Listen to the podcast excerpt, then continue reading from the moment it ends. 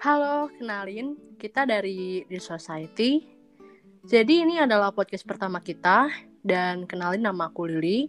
Dan aku di sini nggak sendirian, ada dua sahabat aku. Yang pertama ada Namse. Halo. Yang kedua ada Bila. Hai. Jadi kita tuh sebenarnya di sini lagi LDR ya. Bila ini dia lagi di Bandung. Terus Iya, kalau Namsa ini kalau Namsa ini dia sebenarnya masih satu daerah sama aku sih, tapi kita nggak pernah ketemu ya. Iya. Udah sih, Di mana berapa tuh? lama nih nggak ketemu? nggak tahu deh, kayaknya udah berbulan-bulan gak sih? Ya ampun. Iya udah berbulan-bulan. Hmm. Tahu gak sih kenapa kita jarang ketemu? Eh, bahkan nggak pernah Takdir. ketemu lagi. Takdir nam. Iya, selain itu, Takdir. Takdirnya takdir Di corona. apa lagi coba? Iya, iya sih, corona. Parah banget sih. Eh, Sampai sekarang tuh, kenapa? Kenapa kenapa?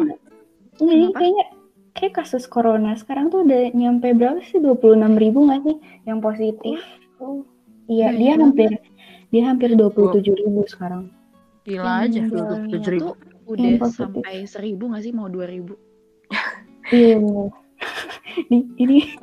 Tapi yang sembuhnya dia meningkat sih, dia 7 ribu. Iya. Saat ya. Ya, cuma kan kemarin sempat naik lagi kan kasusnya tuh gara-gara yang apa sih? Lebaran ya? Apa deh? Iya benar. Oh yang Jadi id ya? Ya orang-orang yang mungkin nggak nggak patuh sama protokol kesehatan dari pencegahan COVID-19 nggak sih? Iya. Iya iya. Iya makanya kayak banyak banget kan kasus yang di Jakarta tuh. Aku lupa deh kasus yang di Jakarta sampai ada yang mereka lempar-lemparan barang gitu ketika mau ditertibin sama polisi. Tuh. Iya, kayak Parah banget. Iya. iya masih ada aja gitu kan orang-orang yang sekarang tuh nggak patuh gitu sama protokol kesehatan eh, yang dibuat gitu buat mencegah COVID-19. Tapi kenapa coba? Gak tahu deh. Tapi kayaknya sih kalau menurutku bisa aja karena em, apa ya? Informasi itu kan kadang nggak selamanya bisa langsung keserap sama orang. Ada orang yang sekali baca langsung ngerti, langsung lakuin. Ada orang yang sekali baca tuh kayak mikirnya lama dulu kayak atau harus berkali-kali kasih tahu. Mungkin sih kayak gitu kayaknya. Oh iya sih, jadi kayak jalan pikir orang itu pasti beda-beda juga kan ya. Iya, makanya bisa beda-beda gitu. Nah ini sih aku aku sempat penasaran juga kan kenapa gitu Mm. orang-orang tuh kok bisa sih jalan pikirnya tuh kayak beda-beda gitu. Nah terus aku nemu nih satu jurnal psikologi. Dia Oke. tuh nyebutin eh, bukunya Daniel Kahneman. Tahu nggak Enggak. Daniel Kahneman? Psikolog, psikolog juga nggak sih? Iya, dia itu psikolog Oke. tapi dia juga ekonom. Jadi dia tuh Hmm. nerima, nerima Nobel karena dia tuh pernah meneliti tentang peran persepsi sama pertimbangan dalam pengambilan keputusan. Oh, mantep tuh. Hmm, Ya terus- itu yang aku maksud tuh persepsi itu tadi. nah iya itu. Mm. Nah di situ eh, dia itu kan membuat buku nih. Dia membedakan kalau manusia itu sebenarnya punya dua sistem buat berpikir. Yaitu ada thinking fast atau thinking slow. Itu tadi. Jadi cara berpikir orang tuh ad- bisa eh, dua cara gitu. Ada yang bisa mikirnya itu cepat dan juga pikirannya itu yang secara lambat gitu sistemnya. Ciri-cirinya gimana sih? Maksudnya kan thinking fast sampai thinking slow emang kalau misalnya kita baca sekilas juga udah kelihatan kan oh thinking slow berarti cara berpikirnya lambat oh thinking fast berarti cara berpikirnya cepat gitu kayak ada nggak sih spes apa yang lebih spesifik gitu Oh ciri-cirinya. Iya, jadi kalau yang slow itu dia cenderung butuh apa ya? Kayak menimbang-nimbang dulu pilihan-pilihan tertentu, Hmm. opsi-opsi tertentu, terus kayak dia lebih rational decision making lah gitu. Jadi kayak pengambilan keputusan itu lebih rasional karena biasanya dia tuh berpikirnya itu secara sadar dan harus memperhitungkan antara eh, beberapa konsep secara lebih mendalam gitu loh. oke oke Ya, dan biasanya sistem berpikir kayak gitu tuh butuh effort gitu, butuh waktu, butuh informasi. tenaga usaha Iya, motivasi juga gitu buat Hmm. berpikir secara slow, thinking slow ini gitu. Tapi maksudnya ini ini beda ya sama thinking slow yang maksudnya dia eh, apa sih apa sih namanya? lamban Ah ya itu witty ya witty Eh, ya itu lemot. Iya, ini beda sih. Jadi kayak lebih mikirnya tuh lebih mendalam lagi lah intinya gitu. Hmm. Hmm. Hmm, cuman tuh kalau kita pakai terus-terusan thinking slow di setiap eh, pilihan yang ada di kehidupan kita tuh bakalan ribet banget sih kayaknya. Kayaknya terlalu lama gak sih buat ngambil keputusan jadinya? Iya, jelas lah. Hmm, jadi nggak selamanya thinking slow ini tuh dipakai setiap waktu. Jadi kita juga tetap butuh thinking fast gitu yang eh, sebaliknya lah dari thinking slow. Tuh dia cenderung cara berpikirnya itu otomatis, cepat dan sebenarnya dia lebih emotionally driven gitu. Jadi kayak kalau yang tadi itu lebih rasional, kalau yang thinking fast itu Oh. lebih emosional. Kasarnya kalau thinking slow itu dia ya itu yang rasional, kalau thinking fast itu dia cenderung dorongan emosional ya berarti. Hmm, iya benar. Ada Gitu. nggak sih contohnya eh, di kasus, maksudnya di society kita dalam keadaan dan situasi saat ini? Nah itu sebenarnya dalam keadaan yang normal si thinking fast ini tuh berguna sih dia tuh untuk nyelesain kayak permasalahan aktivitas sehari-hari. Kayak contohnya kamu hari ini mau pakai baju apa, mau pakai yang warna apa gitu. Cuman Hmm. eh, kalau misalkan di situasi kayak sekarang gini, kita tuh butuh si thinking slow tadi gitu. Jadi kenapa kayak gitu? Karena thinking fast ini cenderung dia itu mengabaikan informasi-informasi yang penting. Oke. Makanya, jadi eh, kalau misalkan secara kognitif, dia itu hanya eh, berdasarkan pengetahuan si orang itu aja. Jadi minim informasi gitu, min- minim pengetahuan. Karena Hmm, ya ini me- menge- mengedepankan kecepatan dari si pengambilan keputusannya gitu. Kayak apa ya? Simpelnya shortcut gitu kali ya. Shortcut gimana tuh pikir. shortcut? Iya maksudnya kayak karena thinking fast ini dia mengedepan, mengedepankan kecepatan jadi ya Oh, cut-cut jangan informasi gitu loh. Jalan Iya. cepat gitu. Heeh. Jadi kayak udah ngandelin yang gue tahu tuh gini loh gitu. Berarti kayak orang-orang yang suka baca cuman clickbait judul aja gak sih? Nah itu juga bisa jadi. Cuman paragraf pertama dalam Oh, broadcast WhatsApp. Biasanya sek- sekilas-sekilas mungkin ya. Kayak Hmm, misalnya kayak kalaupun gitu. itu kan di YouTube nih, misalnya di apa? di clickbait-clickbait gitu. Kalau misalnya di berita-berita juga kan sama, kayak clickbait judulnya bla bla bla. Tapi isinya ternyata bukan itu, tapi orang tuh cuma ngeliat dari judulnya doang tanpa baca udah nyimpulin lihat. sesuatu. Iya, nah gitu. Iya Hmm. gak sih? Benar-benar. Iya itu dia. Kalau misalkan kita terus eh, pakein si thinking fast terus yang di peristiwa-peristiwa yang penting kayak gini, itu tuh bakalan bisa nimbulin suatu bias. Namanya itu cognitive bias nih. Kalau misalkan di jurnal yang aku baca itu, nah eh, di situ cognitive bias itu tuh artinya ketika shortcut pikiran kamu itu digunakan untuk membuat suatu penilaian terhadap suatu peristiwa berdasarkan pikiran-pikiran yang termudah muncul di pikiran kita aja gitu, yang kita tahu. Makanya bias. Contohnya gimana? Eh, contohnya gini deh, kalau misalkan eh, mungkin kita langsung ke ini aja kali ya. Contoh dari spesifik biasnya itu kayak gimana? Heeh. gitu ya.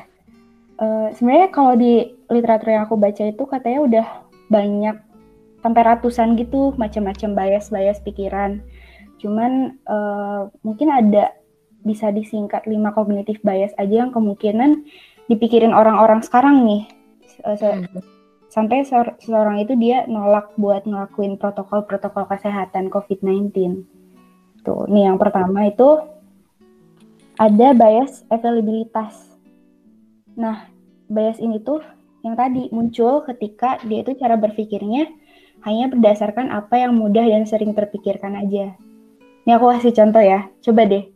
Menurut kalian, banyakkan mana kata dalam bahasa Inggris yang dimulai dari huruf R atau lebih banyak kata bahasa Inggris yang huruf ketiganya dari R?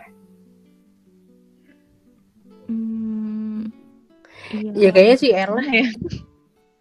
Ya nggak Iya, sih? Pasti, di pikiran kalian tuh lebih banyak kata-kata yang muncul yang diawali dari huruf R kan? Iya nggak sih? Iya, iya. Nah, berdasarkan itu kalian tuh bakalan nyimpulin, oh oke, berarti lebih banyak yang dimulai dari huruf R. Gitu kan? Iya. Oke, Nah. terus Padahal ternyata faktanya, dia itu lebih banyak kata-kata dalam bahasa Inggris yang huruf ketiganya itu R. Nah, itu tuh, eh, di situ availability, bias kita- availabilitas tuh terjadi gitu. lebih nyari yang lebih gampang gampang muncul ya maksudnya. Hmm, Kayak ah ya udahlah daripada aku nyari yang huruf ketiganya R emang ada ya gitu. Tapi kayaknya lebih banyak ini deh R deh yang di awalnya deh. iya. Gitu. Jadi, Karena lebih gampang gitu nyarinya. Hmm, kalau si bias availabilitas itu dia dipengaruhi sama uh, pengetahuan kalian sebelumnya gitu loh. Kayak ya udah Hmm. gue cuma tahu ini dan sering uh, dengan begitu kalian bakal lebih sering terpikirkan itu kan lebih mudah kepikiran yang itu gitu. Kalau Gitu. contoh sehari-harinya apa nam? Eh, selain itu? Nah kalau misalnya dikaitin ke masa pandemik gini nih, kan coronavirus itu sesuatu yang baru ya. Bahkan Iya. penelitiannya juga dia tuh selalu update terbaru gitu. Yang tiap harinya ada yang baru lagi lah gitu jurnal-jurnalnya. Iya. Nah dari situ manusia pasti nggak akan pernah punya informasi di kepalanya sebelumnya kan. Kalau Iya, misalkan benar. kamu itu keluar eh, dari rumah kalian tuh bakalan bisa ngebuat sakit, bahkan bisa membuat orang lain meninggal gitu. Mhm. Paling orang-orang tertentu sih. Iya, makanya orang-orang yang nyari informasi atau riset lebih mendalam lagi, mereka pasti bakalan paham kan. Nah, tapi buat orang-orang yang cara berpikirnya itu dia ada bias availability- availabilitas ini dibandingkan nyari informasi atau riset, mereka malah memilih ya buat kayak gitu gitu. Ya ngapain sih gitu kan? Setahu gue tuh kalau misalnya keluar ya gue gak kayak apa-apa gitu. Gue bakalan Iya, gak kenapa-apa toh. have fun sama Belum, teman-teman. Ya apa sih apa yang salah gitu kan? Belum ada yang mati depan aku gitu. Ada corona nih misalnya, terus kita keluar nongkrong. Belum ada kok yang depan aku mati karena corona, kasarnya gitulah. Oh, nah gitu. Hmm. Nah, terus si bias availabilitas ini juga sebenarnya dipengaruhi banget sama peran media sekarang, ya kan? Pasti. Orang-orang tuh bakalan pasti cari informasi tuh ya dapetnya dari media-media kan. Iya. Karena sekarang kita juga udah menggunakan media sosial. eh, Iya. Ya gitu, lebih banyak. Dan pas di awal-awal aja, kalian gimana coba pas tahu ada berita corona? Kalau Kalian aku mikirnya sih- gimana? kalau aku sih termasuk yang eh, masih slow, masih nggak terlalu kaget dulu gitu. Gak percaya soalnya kan masuk Indo gitu kayak. Iya, kayak masih ya udahlah kan mungkin sama aja kayak virus lainnya gitu. Mm-mm. Aku aja waktu ada corona masuk nih waktu itu aku masih di Semarang kan. Dan itu lagi corona banyak nih. Malamnya, malamnya aku jam 10 malam keluar ke kafe gitu. Nongkrong gitu. Padahal sebelumnya sama bapakku sudah bilang kayak gini. eh pulangnya jangan malam-malam ya mbak katanya kita lagi musim corona. Oh iya pak, tapi aku pulang jam 2 pagi. Nongkrong ke kafe. Balik-balik batuk-batuk. Eh sumpah. Itu panik gak sih? Aku udah takut itu corona sampai aku batuk aja di kosan aku ambil tisu batuk aku pakai tisu eh pakai tisu kan tutup mulutnya habis itu Iya. masukin kresek tapi untungnya nggak corona sih eh, ispa eh, kenanya Oh, iya karena ya udara mungkin iya. kesel gitu Iya benar. Aku juga sama sih pas pas pertama kali dengar kayak ada virus corona. Oh paling juga itu mah virus-virusnya sama kayak virus yang lain gitu kan? Iya Kayak, kan? iya. Ya udahlah ya, ini emang apa apa bahayanya gitu. Iya.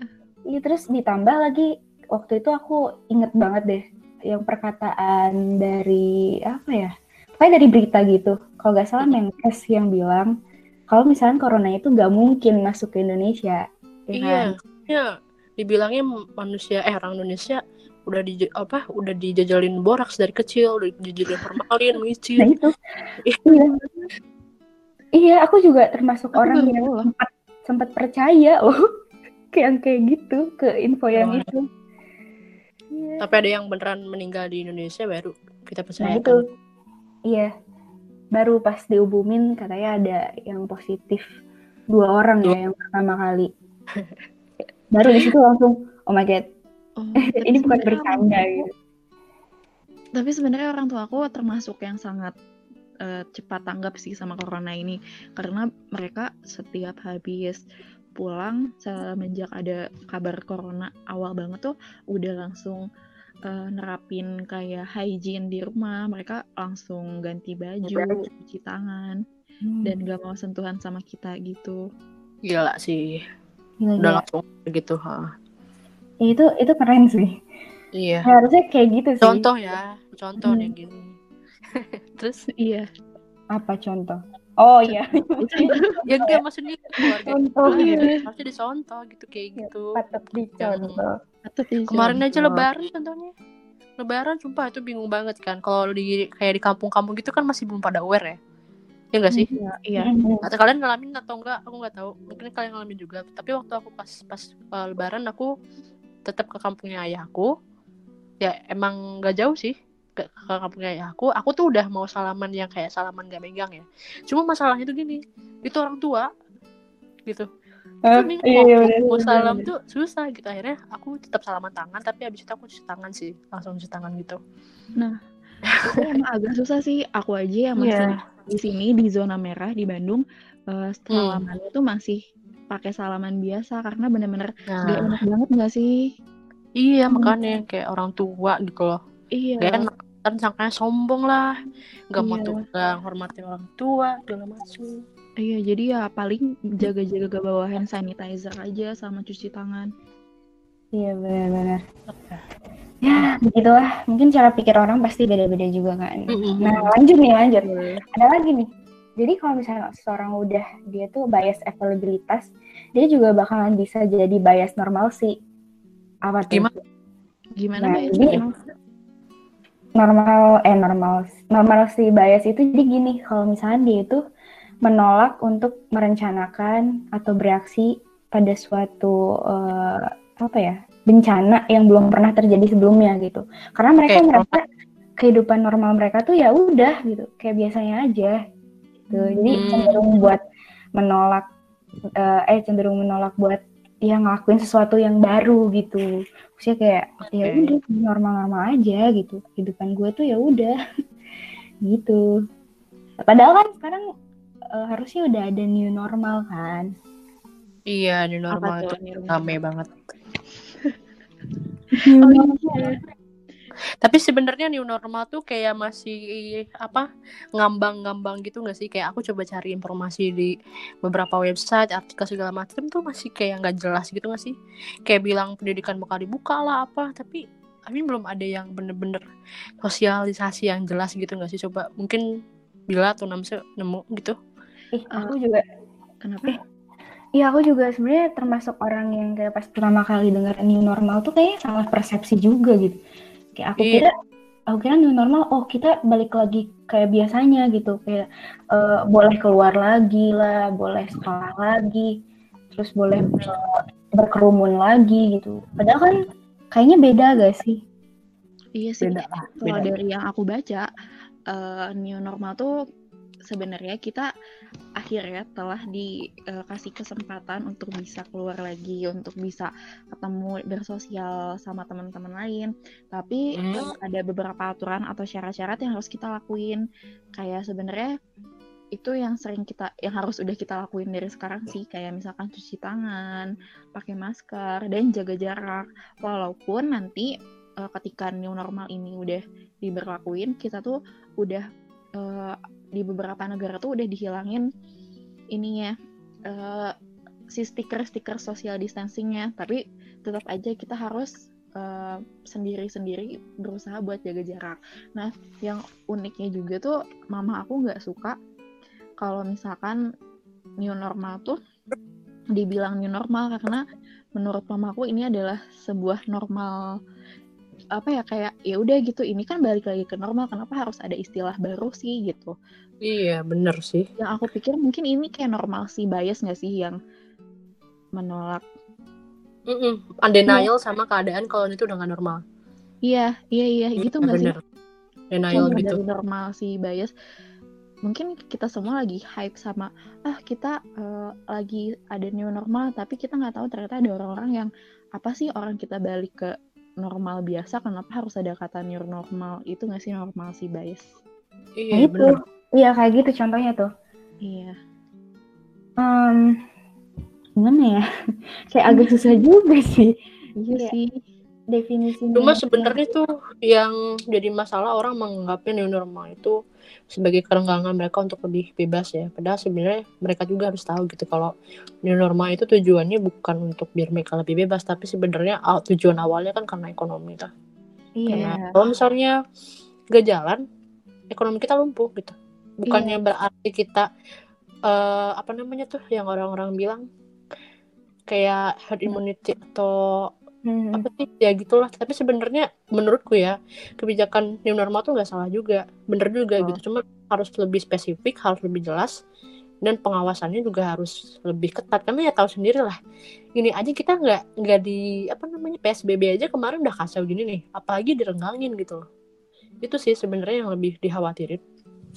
Iya hmm. tapi uh, mungkin pemerintah juga uh, salah satu alasan buat ada new normal ini karena kalau ekonomi tadi kan bilang ekonomi hmm. gak jalan ya gimana kesehatan mau jalan karena kan salah satu yang bikin kesehatan jalan adalah ekonomi gitu. Nah, bener banget. Apalagi juga kan kemarin PSBB itu sebenarnya banyak banget orang-orang yang tetap kerja, tetap uh, kayak mungkin pedagang-pedagang yang aku pernah lihat beritanya di mana gitu ya.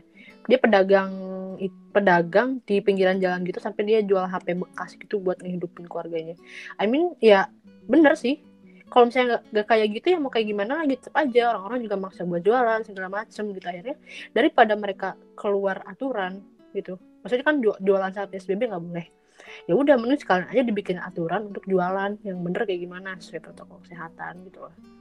Hmm, benar-benar Iya sih, kita juga kayak, ya emang sih kemarin kan dilemanya itu masalah ekonomi kan. Di yeah. sisi lain juga masalah kesehatan bakalan nanti ngebludak lah, fasilitas kesehatannya nggak akan cukup lah gitu kan. Cuman ya menurut aku juga kalau new normal ini tuh udah kebijakan yang paling tepat sih sebenarnya. Asalkan masyarakatnya juga paham gitu yang dimaksud oleh new normal itu tuh apa. Nah itu ya. itu nggak sih yang paling penting pemahaman dan masyarakat dan aku rasa kalau dari pemerintahnya sendiri tuh kayak mereka harus benar-benar spesifik gitu. Karena kalian pernah nggak sih eh waktu pas lebaran kemarin kayak duh aku sholat ke masjid nggak ya? Gitu. Kayak ya maksudnya ada informasi kayak arahan gini-gini. Tapi sebenarnya itu nggak merata di berbagai daerah loh. Karena masjid di sebelah rumahku aja itu sholatnya masih dempetan. Bener iya iya benar nah, itu yang aku maksud. Pemerintah tuh harus lebih tegas harus lebih spesifik. Kayak oke okay, dia mau bikin peraturan misalnya apa sih pembukaan restoran tapi pembukaan restorannya harus seperti apa gini gini gini nggak gak cuma restoran dibuka terus ada tanda X udah kelar gitu itu kayak hmm.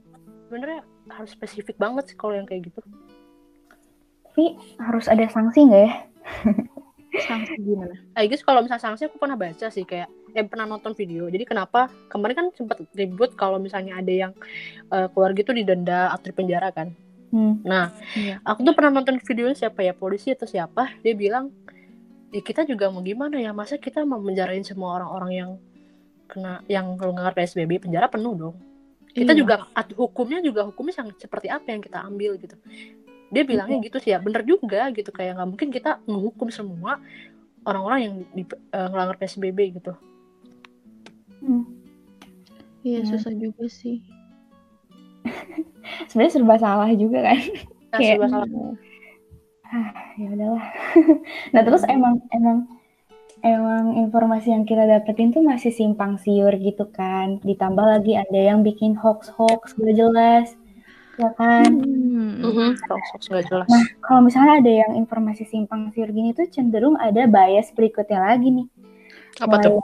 Selain dari availability bias sama normalcy itu ada juga confirmation bias. Nah, si confirmation bias ini tuh kalau misalkan manusia itu kalau udah berpikir kayak gitu, biasanya akan mencari konfirmasi tapi cenderung ngarah ke informasi yang ngedukung beliefnya dia gitu, kepercayaannya dia dan nolak hmm, informasi okay. informasi-informasi yang nggak support pendapatnya gitu. Contohnya gimana? Hmm, okay, okay. Contohnya, contohnya kalau di uh, masa pandemi ini ya apa ya, misal gini, orang pasti awal awal-awal nih aku aku juga pernah nih aku termasuk orang yang pernah ngalamin kayak gini juga. Di awalnya aku berpendapat kalau misalkan ah ya udah gue masih muda gitu. Kasus-kasus kan kita lihat banyaknya yang tua-tua gitu yang meninggal ya sampai parah banget. Nah terus uh, aku akhirnya cari-cari informasi juga emang uh, banyaknya yang aku temuin tuh ya yang tua-tua gitu yang yang meninggalnya terus yang emang udah ada penyakit hormobidnya gitu.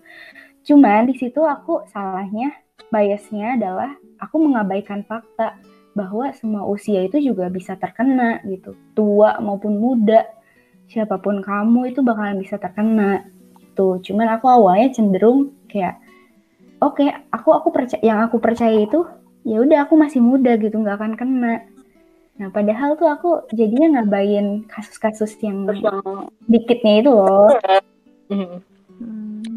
uh, ngomongin soal muda ya aku tuh kemarin nonton berita gitu kan terus aku lupa ini tuh gak tahu antara yang gam apa yang lebih banyak terjangkit sam atau sama yang lebih banyak meninggal. Pokoknya usia muda tuh apa ya di atas 17 tahun sampai 30 gitu ya. Kalau nggak salah itu masuk posisi ketiga besar dari lima.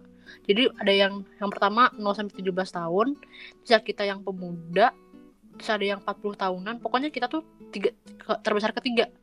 Yang meninggal atau atau yang meninggal atau yang lebih banyak terjangkit gitu loh. Jadi sebenarnya kalau dibilang masih muda kita nggak akan kena justru salah banget salah kita rentan, rentan juga kok. Iya. Usia produktif yang 20 eh, 8 apa 20 tahun sampai berapa tahun gitu aku lupa. Pokoknya hmm. yang yang lebih aman itu yang usia yang dibilang gitu loh di bawah 45 tahun ke bawah hmm. kalau kita hmm. 30 sampai 45 tahun deh itu uh, usia yang cukup aman untuk kerja gitu dan nggak rentan gitu loh. Hmm. Aku kaget dapat data itu ternyata kita tuh lebih rentan gitu daripada orang-orang yang usia 30 sampai 45 tahun. Mungkin lebih rentannya karena ini ya, karena anak-anak muda suka nongkrong atau gimana mungkin. Bisa jadi sih. Mungkin iya. dari sistem imunnya juga kali. Gimana ya? Hmm. Bisa jadi sistem imun tapi, juga sih. Tapi sih aku juga baru baru tahu loh itu data yang itu. Iya, aku juga cepet kaget. Apa di CNN apa di mana ya aku lupa gitu tapi itu kayak bener sih karena uh, pemerintah juga masih banyak berpikir untuk uh, apa ya untuk menormalkan pendidikan lagi kan. Sedangkan kalau untuk pekerja tuh langsung bener-bener boleh langsung kerja lagi karena iya bener. gitu mm -hmm. jadi mungkin itu bisa jadi salah satu faktornya. Hmm, bisa sih. Mungkin selain selain faktor ekonominya juga ya. Iya. Iya, iya. faktor buat kebijakan hmm. pemerintah benar-benar bisa sih. Nah terus tuh si confirmation bias ini tuh dia tuh bisa combine nih combine sama optimism bias jadi dia bakalan optimis gitu karena dia udah ngekonfirmasi kayak gitu data-data yang ngedukung pendapat dia ya udah otomatis dia bakalan optimis gitu. Oke gue gak akan kena gue mah aman gitu. Ini pasti anak-anak muda yang masih suka nongkrong uh, iya lah. Iya. Kok gitu? Gue ngopi gue pulang malam. Anak senja eh tadi tuh aku baru lihat banget di sosial media uh, hmm? di SN eh Twitter deh kalau nggak salah aku lupa uh, di salah satu bukit atau tempat perkemahan di Bogor tuh penuh banget sama anak-anak muda. Anak-anak oh muda yang camping gak sih? Iya lagi camping kan. Semuanya musim bias gak sih? Aku tuh gambar numpuk banget kan. Udah kayak tahu gak sih aku ngeliat itu kayak Machu Machu Picchu yang di Peru itu? Anjir itu kayak apa? Kayak semut tau gak sih? Kayak titik-titik gitu ketan gitu. Iya, banyak banget. Itu udah senja kopi dan covid. Pulang-pulang judulnya gitu ya. jadi judul podcast kita kopi dan covid. Kopi dan covid senja. Kopi dan covid. Covid. Oke okay, okay. Iya tapi tapi tuh gini kalau misalnya anak-anak muda tuh emang cenderung mereka tuh gimana ya? Uh, apa ya? Karena mungkin egonya juga masih tinggi kali ya. Iya. Ya, terus kayak ngapain juga gitu gue di di rumah stres. Yeah. ego biasa gini biasanya orang itu ego mereka belum bisa mengontrol egonya sih sama apa yang jadi norma masyarakat dan aku pernah sempat baca kalau misalnya cara bukan cara ngadepin sih uh, kayak sebenarnya manusia itu kan makhluk emosional ya gini loh aku aku ke- kepikiran tadi soal confirmation sama optimism bias ini. Manusia itu sebenarnya makhluk emosional dibandingkan makhluk logika makhluk rasional. Makanya kenapa bahkan kita sering kita pakai logika kita untuk membenerin apa yang eh, kita rasain apa yang ada yang emosi yang kita rasain. Contohnya gini orang bilang kayak eh, kamu berhenti ngerokok dong ngerokok tuh bahaya. Orang nggak akan nurut. Tapi Iya. kalau misalnya kita ngasih tahu ke dia kayak eh, dengan cara yang bisa menyentuh hati dia kayak tadi tuh saudaraku ada yang meninggal gini-gini atau pokoknya hal-hal yang bisa menyentuh hati mereka itu mereka akan cenderung lebih nurut karena manusia itu sebenarnya makhluk emosional. Jadi kalau kita ngasih tahu kayak corona tuh bahaya loh gini-gini gini itu nggak akan masuk ke mereka kalau buat orang-orang yang apalagi yang egonya tinggi.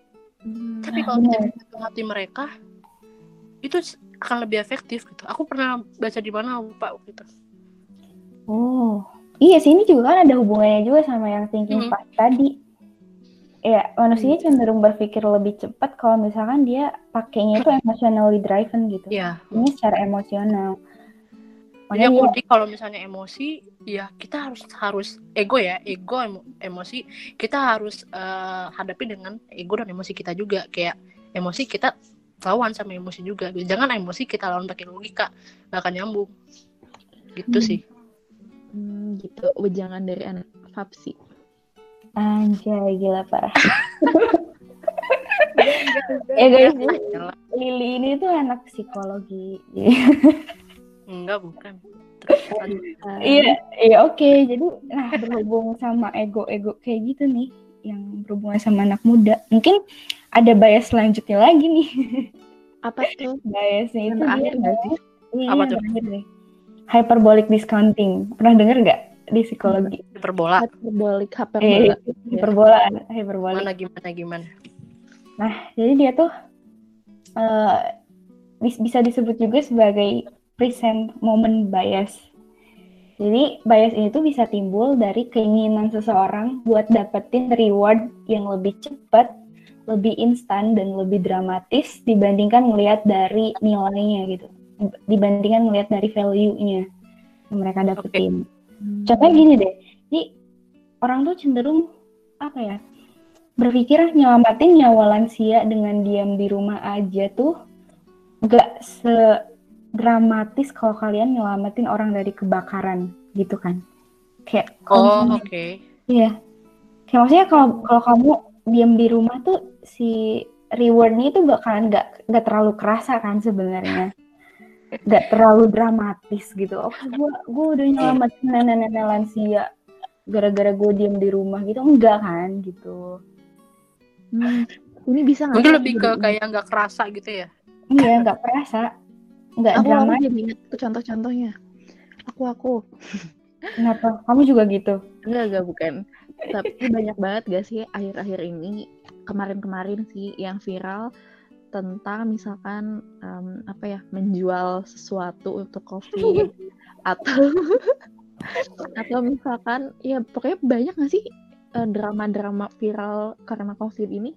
Iya, itu. Oh, karena, iya. karena mereka tuh cenderung ingin terlihat gitu loh. iya. Kayak ingin ingin lebih dramatis lagi bahwa gue tuh punya apa ya kayak sebagai reward mereka untuk diam di rumah aja tuh mereka pengen ada something yang mereka dapetin gitu loh padahal mah tinggal diam di rumah ya. Hmm. ya gak kerasa itu sih sebenarnya. Iya sih hyperbole Kayak- yang yang kerasanya tuh ya ya udah bosen gue gitu di rumah aja. Gitu kan. Iya bener. Kayak pengen apa pengen sesuatu di luar yang lebih dramatis ya. Kan anak muda suka banget tuh drama-drama. viral. Zaman Padahal kan Nah, sekarang masih aja banyak dilihat. gitu. Banyak banget kan kayak drama-drama yang dari mulai si Ferdian lah, Indira Kalista, terus yang ada anak SMA baru lulus coret-coret padahal mereka lulus UN jalur corona. Terus apalagi deh banyak banget kan kasus-kasusnya. iya Iya. Kayak kan kalau nggak drama no life no drama no life. Oke, Iya, itu kuat kita hari ini. Mulai. ya Ya, itu tapi, bisa- tapi aku mau nanya deh emang eh, si cognitive bias lima ini apa sih kesimpulannya maksudnya kayak eh, buat kehidupan kita tuh apa Ini sih, sebenarnya kalau misalkan cognitive bias ini tuh unavoidable. Jadi kita kayak cenderung nggak bisa uh, menghindari itu karena emang ini kan jalurnya berarti cara berpikirnya yang fast thinking itu kan. Cuman kita juga masih bisa uh, take a break, thinking slow, do research gitu loh. Maksudnya kayak di kehidupan normal fast thinking ini tuh berguna gitu untuk uh, untuk menyelesaikan masalah-masalah yang daily activity kalian. Cuman kalau misalnya di masa pandemi COVID-19 sekarang, itu tuh bisa bahaya gitu karena si kognitif kognitif bias tadi gitu. jadi sebenarnya ada ada apa ya gimana ya kayak bisa diatasinya itu dengan cara kamu tuh do research lagi gitu thinking slow gunain si thinking slow itu. Karena kalian juga sebenarnya di di, di uh, selain adanya thinking fast kalian juga ada kemampuan buat thinking slow tuh. Gitu. Iya dan jadi sampai kapan kita harus cuci tangan? Sampai, sampai kapan kapan? Seumur hidup. Iyalah seumur hidup lu makan gak cuci tangan jorok banget. Bukannya dari awal juga harusnya cuci tangan. Oke okay, jadi sampai kapan kita cuci tangan? Jawabannya? Selamanya. Teng